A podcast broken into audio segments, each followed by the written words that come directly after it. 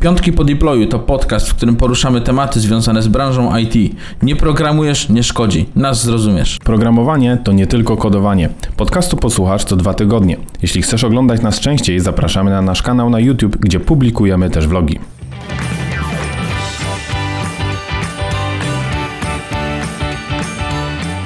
Witamy w kolejnym odcinku Piątków po deployu. W tym odcinku porozmawiam z Marcinem Ryszką, osobą niewidomą. Zapytam go o to, czy nie widzi przeszkód w korzystaniu z technologii i dlaczego programiści są wszystkiemu temu winni, że strony nie działają poprawnie. I UX też. Cześć Marcinie. Cześć, dzień dobry, witam wszystkich. Marcin, muszę powiedzieć w ogóle, jak ja będę zacznę mówić o technologii, to to będzie bzdura w ogóle. Na sam początek powinienem chyba powiedzieć o tym, tak naprawdę, jakim ty sportowcem jesteś. Przecież ty przepływasz więcej niż ja. A ja, no to ja tylko się unoszę na wodzie i w sumie nic więcej. A ty to tam potrafisz z zamkniętymi oczami po prostu pływać i jeszcze zdobywać medale. No wiesz co, tak, to już jest jakiś tam okres, który jest poza moim już poza moim czasem, bo ja karierę pływacką zakończyłem w 2014 roku. E, co prawda teraz jakby co jakiś czas zdarza mi się gdzieś być na basenie i, i sobie popływać, bo już trochę się z tą wodą przeprosiłem. Nie mam takiego wodowstrętu, jak miałem wcześniej. No ale yy, no ale co, ale, ale to już jakby to są trochę rzeczy za mną. Yy, ale no, bardzo fajny część mojego życia.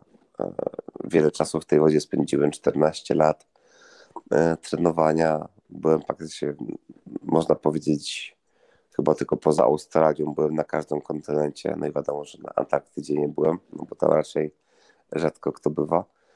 Także mhm. mnóstwo świata zwiedziłem, dużo widziałem. E, I co? Bardzo miło, bardzo miło to I, wspominam. I teraz aktualnie jesteś piłkarzem blind footballu. No tak, gram w Wiśle Kraków Blind Football, jestem też kapitanem reprezentacji Polski. No ale to jest tak powiedzmy trenujemy dwa, trzy razy w tygodniu. To jest tak już naprawdę można powiedzieć sport taki półprofesjonalny. Ja tak się trochę w to bawię. Y, bardziej jakby teraz koncentruję się na takich rzeczach organizacyjnych. Y, tutaj jeżeli chodzi o ten blind football w Polsce, a mhm. jakby ten czas już mój granie na boisko sobie zdaję sprawę z tego, że jakby za późno zaczynałem przygodę w tym sporcie, żeby osiągnąć coś tak na, na arenie światowej. No ale oczywiście sprawia mi to wiele przyjemności i mam, mam też taką nadzieję, że, że dzięki tym moim działaniom, które ja gdzieś podejmuję, jestem blind footballem, no to fajnie by było za kilka, kilkanaście lat doczekać takiego momentu, żeby polska reprezentacja zagrała na, na Igrzyskach Paralimpijskich. Okej. Okay. Widziałem, y, oglądałem wcześniej bramki, jakie trafiałeś y, w meczach Wisły Kraków. I muszę powiedzieć, że przez kilka lat mojej kariery w lidze trampkarzy młodszych, bo w takiej lidze grałem, nie wiem czy ktoś w ogóle wie, że taka jest liga, y, ale kiedyś była, jak ja grałem, to przez tyle lat nie trafiłem takiej bram, takich bramek jak ty trafiałeś. Może dlatego, że grałem tylko na jakieś tam pomocy i obronie, ale, ale muszę powiedzieć, że brameczki niesamowite. Bardzo mi się podobały. No, dzięki wielkie, dzięki wielkie. No jest tego trochę na YouTube, jak ktoś by sobie chciał wpisać na YouTubie i zobaczyć takie, no to wystarczy, nie wiem, wpisać Plain Football Wisła albo Ryszka Wisła, coś takiego, to w taki, wtedy takie filmy z tymi bramkami e, się pokazują, to tylko, to tylko pokazuje, że rzeczywiście niemożliwe nie istnieje i, i nie wiem, że to się może wydawać takie y, bardzo szokujące, że jak to jest możliwe, że niewidomi grają w piłkę. No jak widać no. grają i radzą sobie i, i fajnie, no, fajnie, że tak jest. No właśnie. Y, ja trochę wiem, jak to wygląda. Nie dość, że oglądałem na YouTube, też czytałem książkę. Y, Nie widzę przeszkód. Marcin Ryszka napisał książkę razem z, z swoim kolegą, z Jakubem Białkiem. E, I y, po tej książce wiem, jak wygląda ten blind football, ale jakbyś mógł przybliżyć tak w dwóch zdaniach, jak wygląda ta piłka w ogóle? Czy czym ona się różni od tej, która którą oglądamy na co dzień w, w telewizorach? Przede wszystkim gramy po pięciu. E, boisko ma wymiary 20 na 40 metrów i wzdłuż linii autowych są ustawione takie, ba takie bandy, e, od których ta piłka się odbija, dzięki temu ta gra jest płynna. Co szokuje często ludzi, to osoba, to bramkarz jest osobą widzącą, tylko on ma ograniczone pole, gdzie może się poruszać. Może wyjść tylko na dwa metry przed bramkę, i po metrze w, w każdą stronę, więc jakby to pole e, ma minimalne, jeżeli chodzi o swoją, o swoją grę. Jak wyjdzie poza to pole, to jest rzut karny.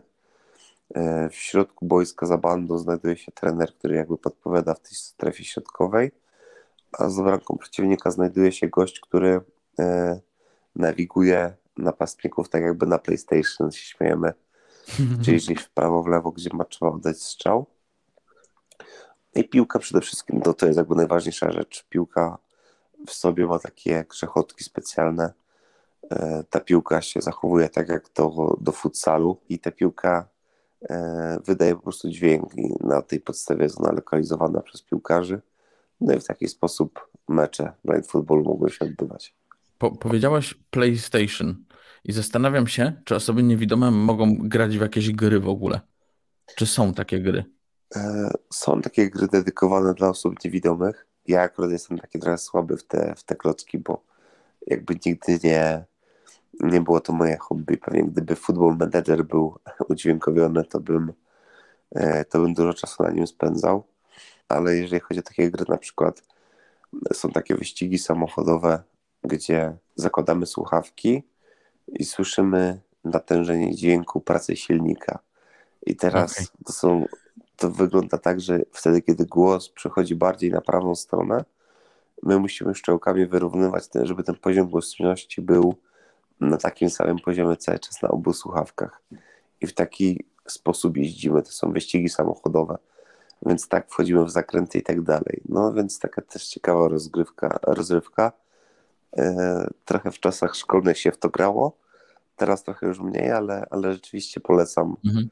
E, jest w ogóle taki serwis chyba Game in the Dark, chyba o ile się nie mylę. Mhm. I właśnie tam można dużo takich e, aplikacji, czy Play in the Dark, coś mhm. takiego. I na taki, tam można dużo takich, takich gier dla, dla niewidomych e, znaleźć i, i teraz się pobawić. A powiedz mi, jak osoby niewidome mm, korzystają z technologii albo w ogóle, co, czy ta technologia im pomaga? Jak ja sobie mm, robiłem taki research, to, to wiem, że trafiłeś na końcówkę Nokia 3310. Dla osób, które nie wiedzą, co to jest Nokia 3310, to, to jest taka cegła, yy, którą można było rzucić, może ona mogła się rozwalić tak naprawdę, ta, ta Nokia 3310 na różne części i nadal działała. Więc yy, jak to u Ciebie w ogóle wyglądało? Wiesz co, to wyglądało tak, że na samym początku jakby wszystko odbywało się, żeby na zasadzie zapamiętania, tak? Czyli żeby wejść w wiadomości, trzeba, nie wiem, nacisnąć raz menu, dwa razy szczołka w dół i trzy razy menu z powrotem, tak? Trzy razy enter mhm. jakby. E, SMS-y też pamiętam, że e, trzeba było zapamiętać, że literka L to jest trzy razy piątka, a literka S to jest 4 razy siódemka. Ja wiem, że to teraz mhm. dla osób, które nas słuchają, to jest pewnie absurdalne, tak, bo teraz mamy wszędzie już dotykowe telefony, klawiaturę QWERTY i, i nie ma z tym żadnego problemu, ale no, kiedyś tak właśnie nie było.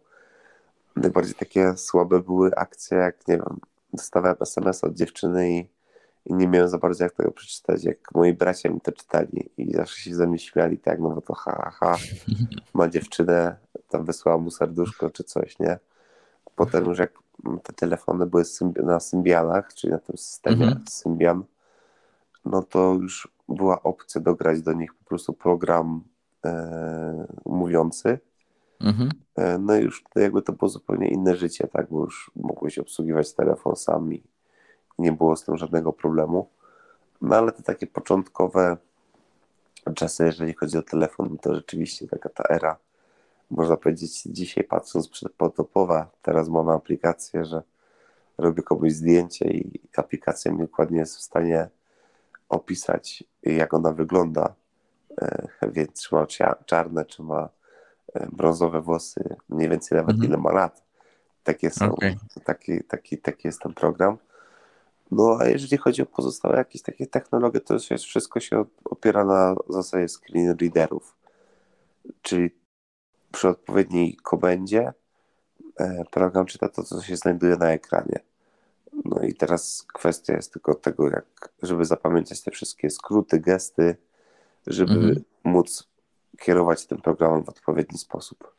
A długo zajmuje, żeby się nauczyć tak, żeby swobodnie e, używać? Bo muszę powiedzieć, że ja na iPhone'ie odpaliłem sobie VoiceOver e, i, i zamknąłem na chwilę oczy i po prostu się tak strasznie denerwowałem, że nie mogłem posterować porządnie tym telefonem, tak jakbym chciał i tak szybko, jak, jak robię to, nie wiem, na przykład teraz palcem i widząc. E, więc jak to w ogóle wygląda z, z nauką? Czy to jest taka męczarnia, czy... Wiesz co, ja mam także takie wrażenie, czy to wszystko zależy od tego, e, jakim kto jest człowiekiem mm, zaawansowanym technologicznie. Mhm. Bo są osoby, które powiedzmy nawet nie wiem, wśród naszych znajomych, ktoś używa tylko telefonu do tego, żeby odpalić sobie Face'a, Instagrama, poczytać jakieś wiadomości yy, i w zasadzie tyle. A są też osoby, które bawią się w jakieś takie, nie wiem, sklejanie filmów, prawda, w jakieś takie bardziej już zaawansowane mhm. rzeczy. No jeżeli chodzi o takie stricte użytkowe korzystanie z tego iPhone'a, teraz podaję jakby taki przykład akurat tego e, iPhone'a, to dla mnie to jest, nie wiem, dzień góra dwa. E, okay. I każdy może sobie to opanować na takim podstawowym poziomie. Natomiast jak już chcesz wymyśleć jakieś takie bardziej zaawansowane rzeczy, to ja cały czas odkrywam jakieś nowe funkcje, jakieś nowe, nowe rzeczy, które ten program potrafi. To jest program VoiceOver właśnie, tak jak powiedziałeś. Mm -hmm. Też coraz więcej wchodzi jakby takich nowych nowinek, udoskonaleń, e, uaktualnień, więc to jest jakby taki cały, cały czas taki ciągły rozwój. Ja powiedzmy, ja też nie jestem jakimś takim mega, mega e, przekotem, jeżeli chodzi o tę technologię. Mhm. Jest mnóstwo osób niewidomych, które e, sto razy biją mnie na głowę w tych tematach. E, też więcej potrafią na pewno, ale to jest fajne, że, e, że cały czas tam się można rozwijać i, i że ten program rzeczywiście cały czas jest tak dostosowany, żeby nam niewidomym funkcjonowało się lepiej. Mhm. A powiedz mi, są jakieś takie konkretne um, telefony, z których korzystają niewidomi? Takie powiedzmy, nie wiem, albo to będą iPhony, albo jakieś Samsungi, coś co przoduje w ogóle w, w tym, e, żeby pomagać niewidomym. Wiesz co, to jest tak, że i systemy Android i systemy iOS mają sobie od razu wgrany ten program fabrycznie. Mhm. Tu na iPhone'ach wiadomo, że to jest VoiceOver, na Androidzie, kurczę, nie pamiętam jak ten program się nazywa. Czyli już wiem, z jakiego telefonu korzystasz. Tak, tak, tak. Ja też mam iPhone'a. E, I to jest tak, że jakby wielu są takie mm, dyskusje wśród niewidomych, tak, że co jest lepsze, czy Android, czy iOS. Ja uważam, że iOS jest lepszy, że te, mhm. E, to jest bardziej intuicyjne E, łatwiej się ten program obsługuje. Takie jest moje zdanie, podkreślam. Mhm. Bo są osoby niewidome na przykład, które, które wolą Androidy, tak? I, mhm. i korzystają sobie te, z tych Androidów i też to chwalą. Zwłaszcza, że jednak te telefony z tymi Androidami są trochę tańsze, tak, niż, niż, e, niż te iPhony. Chociaż to się wszystko mhm. zmienia, bo teraz powiedzmy, nie wiem, ten model SE, tak, ten, który wszedł tak. tam, to jest niecałą dwójkę płacisz i możesz mieć ten telefon. No, jak patrzysz na ceny Samsungów, no to te nowsze modele też są dosyć drogie, prawda? Więc jakby tutaj kwestia finansowa może teraz się coraz bardziej wyrównuje, ale no, ja jestem team, team, team iPhony, także, także e, z tego korzystam, z tego voiceovera. A powiedz, a powiedz mi, czy wielkość ekranu ma znaczenie akurat dla osoby niewidomej? To chyba tylko z kwestii y, wygody korzystania z tego telefonu na zasadzie, że e, jak ktoś ma nie wiem, dużą rękę, tak jak ja, ja mam, mhm. no to jak powiedzmy, nie wiem, ostatnio się bawiłem e, tą starą SE2, bo gdzieś znalazłem w domu, no to już troszkę ten program był za mały. Ale jak używa się tych większych, trochę tych iPhone'ów, to po prostu jest wygodniej człowiekowi. Ale tak, jeżeli chodzi o o korzysta- wielkość ekranu to chyba tylko dlatego jest to ważne, żeby, żeby tą ręką e, wygodniej móc poruszać się po ekranie. Mhm. Jak dobrze rozumiem, to telefon jest takim centrum dowodzenia, bym powiedział, takim głównym narzędziem, tak? Jak dobrze rozumiem? Wiesz co? Jest to na pewno urząd... Ja już teraz e, można powiedzieć, że 80% rzeczy, które wykonuję, robię na telefonie. mhm. na smartfonie, tak się na, na iPhone. Mhm. Bo powiedzmy, nie, chcę zrobić przelew, używam telefonu. Chcę napisać maila, najczęściej używam telefonu. Chcę, e, no nie wiem, cokolwiek jeszcze zrobić. Mhm. E, nie wiem, sprawdzić sobie trasę, albo o której odjeżdża autobus, używam telefonu. Wiesz, po prostu komputer e, to jest jak proces, tak, że musisz podejść do tego biurka, musisz go rozłożyć. E, jeszcze jak jest wyłączone, to trzeba go odpalić, to trwa kilka sekund, mhm. prawda? A często mhm. potrzebujemy już teraz natychmiast, bo na komputerach też masz takie same programy, te screen readery, które działają na takiej samej zasadzie, jak działa VoiceOver tutaj na, mhm. na iPhone'ie, tak? Też przy odpowiedniej y, kombinacji komendy klawiszy wywołujesz inne funkcje. No więc, y, więc tak, to, y, tak to wygląda, ale tak jakbym dzisiaj opisywać, to spokojnie 80% rzeczy wykonuje na, na telefonie. A powiedz mi, skoro mówisz 80%, to czym jest to 20%? Jest coś, czego nie da się zrobić na przykład na telefonie? I teraz tak w sumie też chciałem podpytać o to, jak wyglądają strony internetowe aktualnie. Czy są takie, z których nie da się korzystać na telefonie i ten voiceover nie działa poprawnie na przykład, a trzeba to zrobić akurat na, nie wiem, przeglądarce w y, komputerze czy tam jakimś laptopie y, i żeby przejrzeć i, i zrobić coś, co, co masz na celu? Te 20% to są właśnie, powiedzmy, nie wiem, praca w, w tych programach takich, nazwijmy to, biurowych.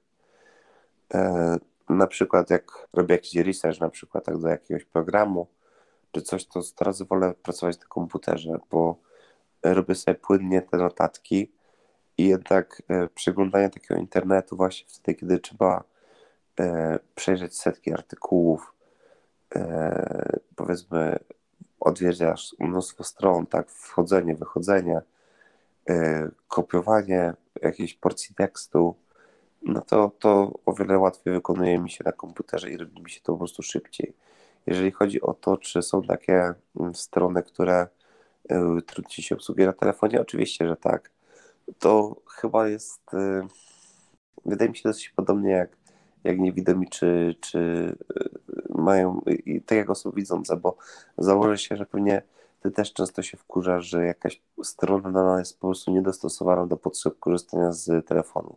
Mhm. Takie rzeczy się zdarzają, tak, że nie, wolniej się przywija, tak ładują się te reklamy, jest to wkurzające. To jest tak samo u nas wśród osób niewidomych, także że niektóre rzeczy rzeczywiście lepiej wykonać na, na komputerze, nie? Żeby, żeby po prostu było to to łatwiej. Nie wiem, strona choćby PKP na przykład jest dosyć taka problematyczna, jeżeli chodzi o kupno biletu. Mhm. Łatwiej jest to zrobić na komputerze, e, tylko tam jest też taki czas, który płynie, ile masz czasu tak, na transakcję. Tak. No i to jest takie stresujące trochę. I... to to już jest taka gra po prostu. No. Marcin, mówisz, że w gry nie grasz, a wchodzisz tak. na stronę PKP i masz wyścig z czasem. No. Tak. Nie, szczerze powiem Ci, że ja nie, rzadko sobie kupuję bilet, zawsze żona. Okay. Jest proszona przeze mnie, że Magda kupi bilet na ten, na ten dzień e, do Warszawy i, i, mm-hmm. i tak to po prostu wygląda, nie?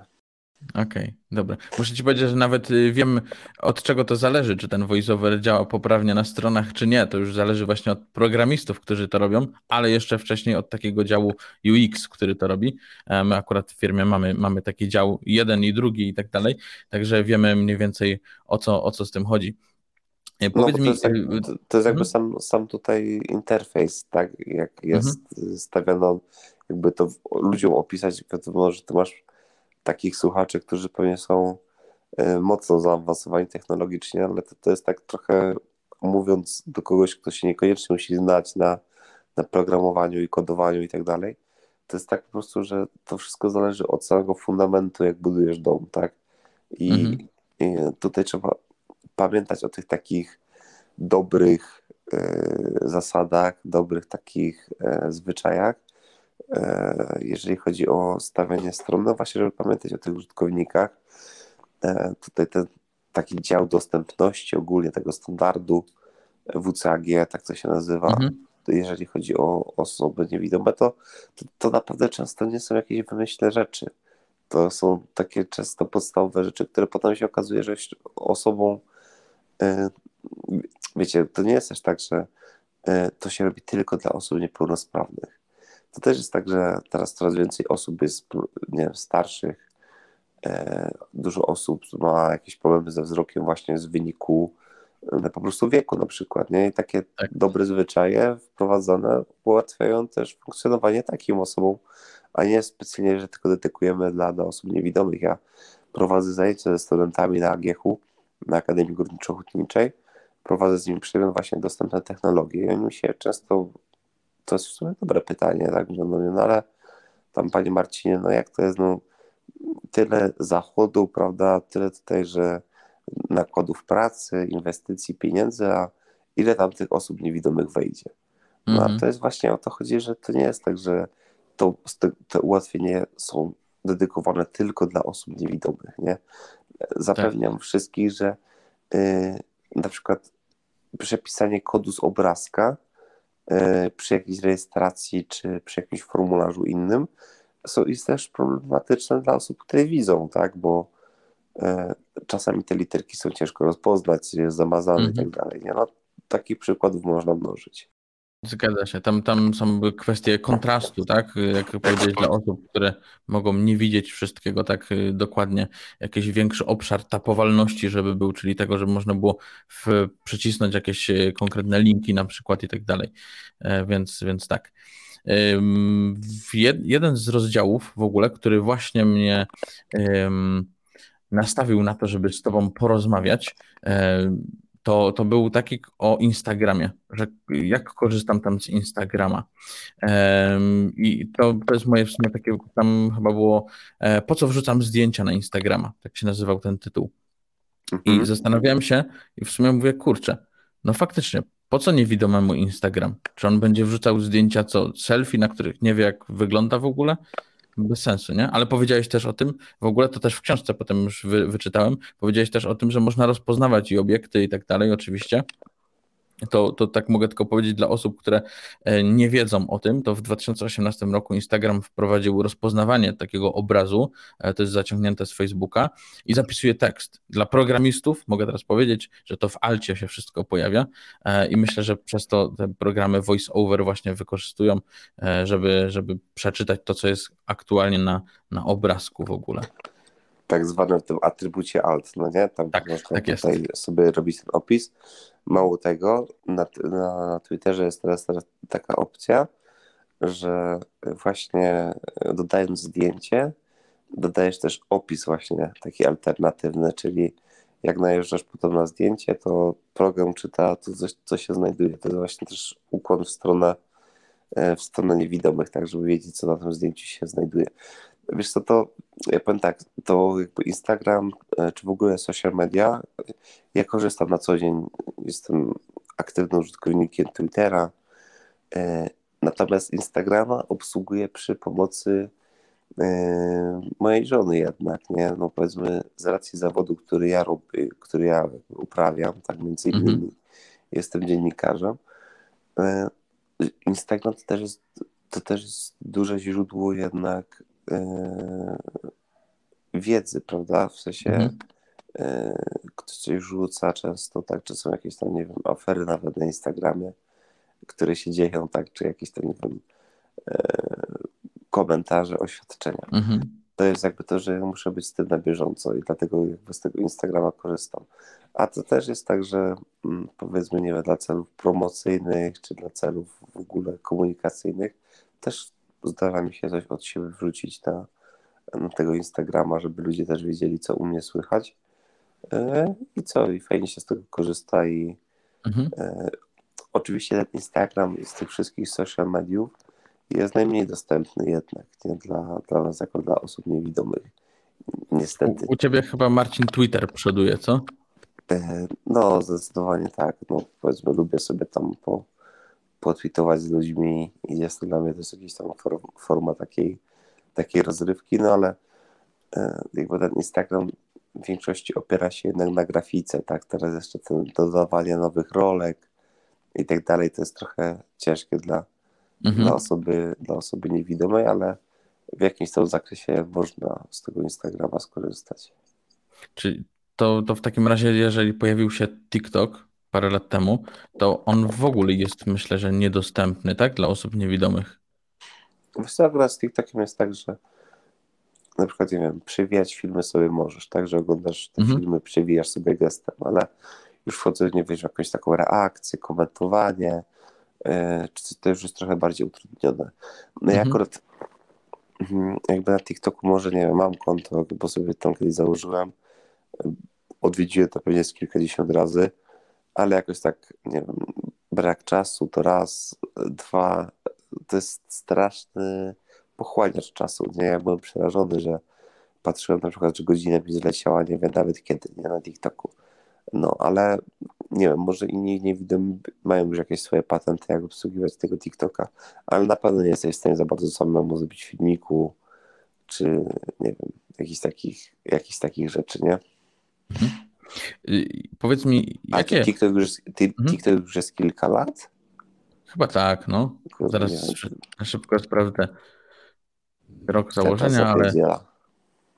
2016. No, no to już trochę No, to czasu pięć, jest. pięć lat ma, nie? No. Y, Oczywiście my się dowiedzieliśmy o nim pewnie po roku, dwóch, bo to na początku to nie był w ogóle znany. E, A powiedz mi, jakie rzeczy musiałyby się teraz w ogóle zadziać z technologiami, ze stronami internetowymi i tak dalej, e, żeby dla osób niewidomych i, i słabowidzących w ogóle e, lepiej się korzystało z tego internetu? Czy jest coś takiego, co, nie wiem, mógłbyś rozwiesić transparent i z petycją pójść gdzieś, że fajnie jakby się to zmieniło, albo z czegoś ktoś zrezygnował?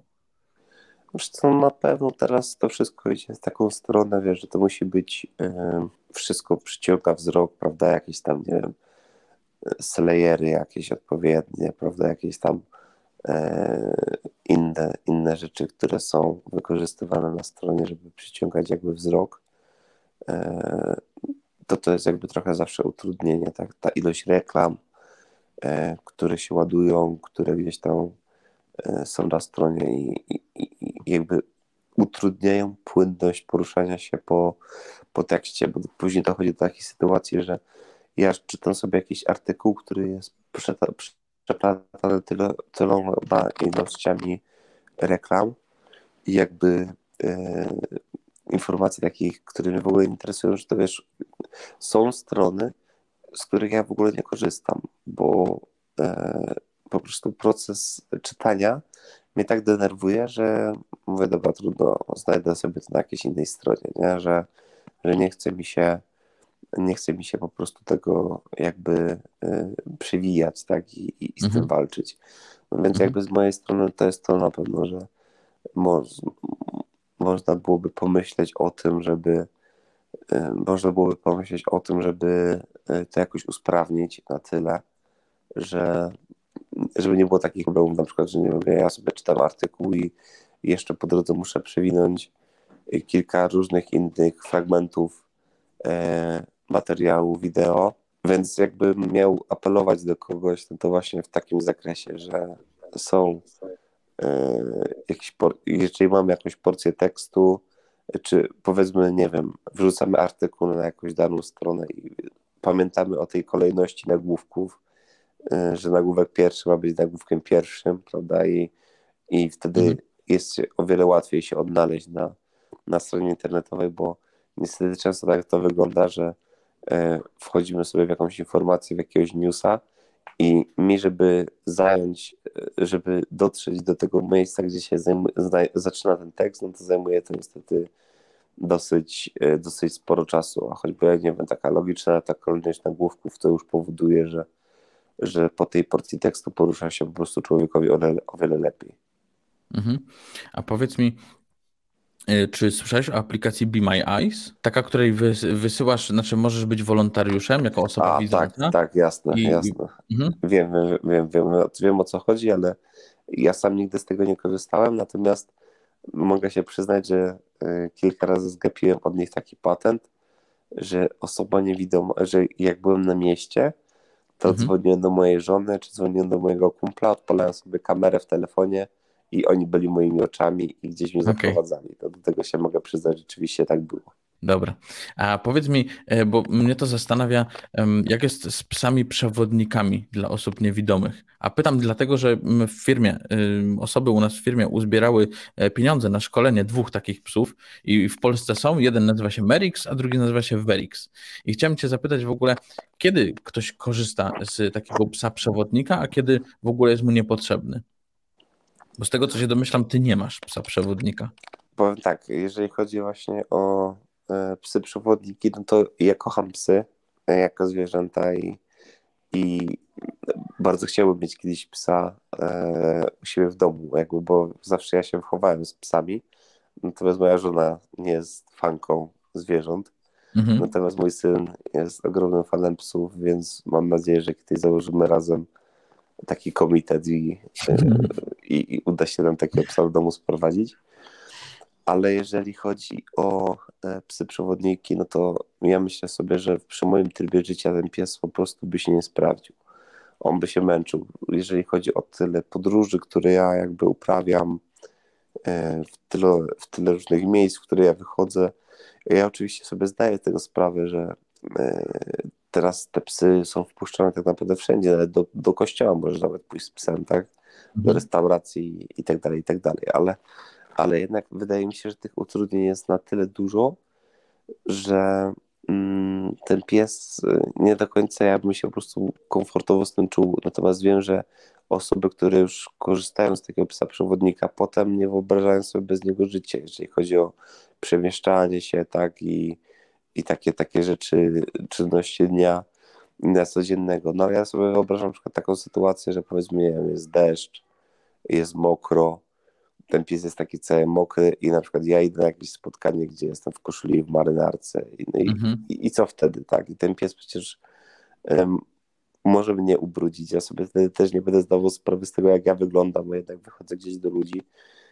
Jednak jak patrzę sobie na te plusy i minusy, ja widzę niestety więcej minusów, natomiast wiem, że te psy yy, nawet yy, teraz ja się trochę zareklamuję na Weszło FM, możecie sobie znaleźć taki podcast, który ja zrobiłem z panią właśnie, która jest z fundacji yy, zajmującej się szkoleniem takich psów przewodników. I to są, słuchajcie, bardzo duże pieniądze, żeby takie psa wyszkolić. Tam to, to, tak rozmawiamy, że można kupić za te pieniądze średniej klasy używany samochód, tak? Mhm. Tam w granicach chyba z tego co pamiętam, takie szkolenie samochodu gdzieś około 20-30 tysięcy. E, no to, to są naprawdę już duże środki. E, no ale co? Mega fajnie, że wasza firma się w coś takiego za, zaangażowała, a to y, nazwy to co, coś oznacza, czy to tak po prostu Mer sobie... Merix, Merix i Verix oznaczamy, firma nazywa się Merix Studio, więc Aha, Merix okay. jest od nazwy firmy, a Verix jest po prostu przewrotną M-ką, więc zostało Verix, tak żeby Aha, okay. drugi pies okay. miał też nazwę podobną jakąś, więc Zastanawiałem się, czy co by było, gdyby jakiś pies miał moje nazwisko, na przykład kusiciel i taki pies kusiciel by był na przykład, nie? Ale to... Myślę, że miałem... na kolejną zbiórkę coś pomyślimy, żeby tak zrobić. Miałem kumpla, który, miałem kumpla, który miał psa, e, który się nazywał Diabeł, więc... Czyli da się, da się. Tak, tak, tak. No to co, Marcin, w takim razie co? Będziemy zachęcać do kupna książki Nie widzę przeszkód, a to dlatego ja polecam, że nie nudziłem się ani chwili, tak naprawdę. Za każdym razem pojawiały się ciekawe anegdoty, a żeby to w ogóle jakoś tam zobrazować osobom czytającym, to na przykład jest rozdział, który mówi, czy piorę białe z kolorowymi, albo skąd wiem, że moja żona mi się podoba. Muszę powiedzieć, że mega, naprawdę. Bardzo, bardzo mi się fajnie czytało tę książkę. Wchłonąłem prawie na raz, prawie na raz. No to się bardzo cieszę. Ja ze swojej strony też zapraszam. Dla takich bardziej e, weekendowych tutaj fanów możemy też powiedzieć, że jest też czy po alkoholu widzę podwójnie, więc, więc takich wesołych fragmentów też nie brakuje. Także ze swojej strony zachęcam i, i dzięki wielkie e, za dzisiaj. Jeszcze raz Was przepraszam trochę za, za mój głos, ale troszkę, troszkę niedyspozycyjność, ale skoro się tutaj już umówiliśmy z Miłoszem na daną godzinę, no to musiałem dotrzeć, więc mam nadzieję, że, że, że uda się tego posłuchać i że jakbyście sami mieli do mnie jakieś pytania, to jestem na Twitterze, jestem aktywny, Miłosz może potwierdzić, że szybko odpowiadam, tak więc, więc tak jak macie jakieś pytania, wątpliwości, to dawajcie śmiało. A żebyście jeszcze wiedzieli, jakie poświęcenie z naszej strony, to nagrywamy to o 7 rano. Tak, dokładnie. dokładnie. To Marcin, ty jesteś niesamowicie w ogóle zapracowany. Jak można, jak osoba niewidoma może, przecież mógłbyś leżeć po prostu i pachnieć i by ci wszystko przynosili. A ty tu idziesz, tam idziesz, y, weszło FM, y, które z tego co wiem będzie niedługo y, dostępne jako podcast w ogóle, tak, więc, więc Marcina usłyszycie nie tylko w tym podcaście, ale w przyszłości myślę, że, że w, w kolejnych weszło FM. Jeżeli chcecie w ogóle, to możecie posłuchać teraz weszło FM, tam jest taka audycja w ciemno, którą prowadzi właśnie Marcin. Tak jest, dokładnie. Dużo takich inspirujących historii. No tak jak powiedziałeś, no trochę tych zajęć jest, trochę tych aktywności w życiu mam, ale fajnie co się dzieje. Najważniejsze, żeby nie było nudy. Tak jest. Dobra. To dzięki bardzo jeszcze raz i do usłyszenia. Dzięki. Trzymajcie się. Do usłyszenia. Cześć. Będziemy wdzięczni, jeżeli zasubskrybujecie nasz podcast i pamiętajcie, że podcast pojawia się co dwa tygodnie w piątek. Jeżeli traficie na nasz kanał na YouTube, to zobaczycie także vlogi, które pojawiają się także co dwa tygodnie w piątek, więc jest co oglądać.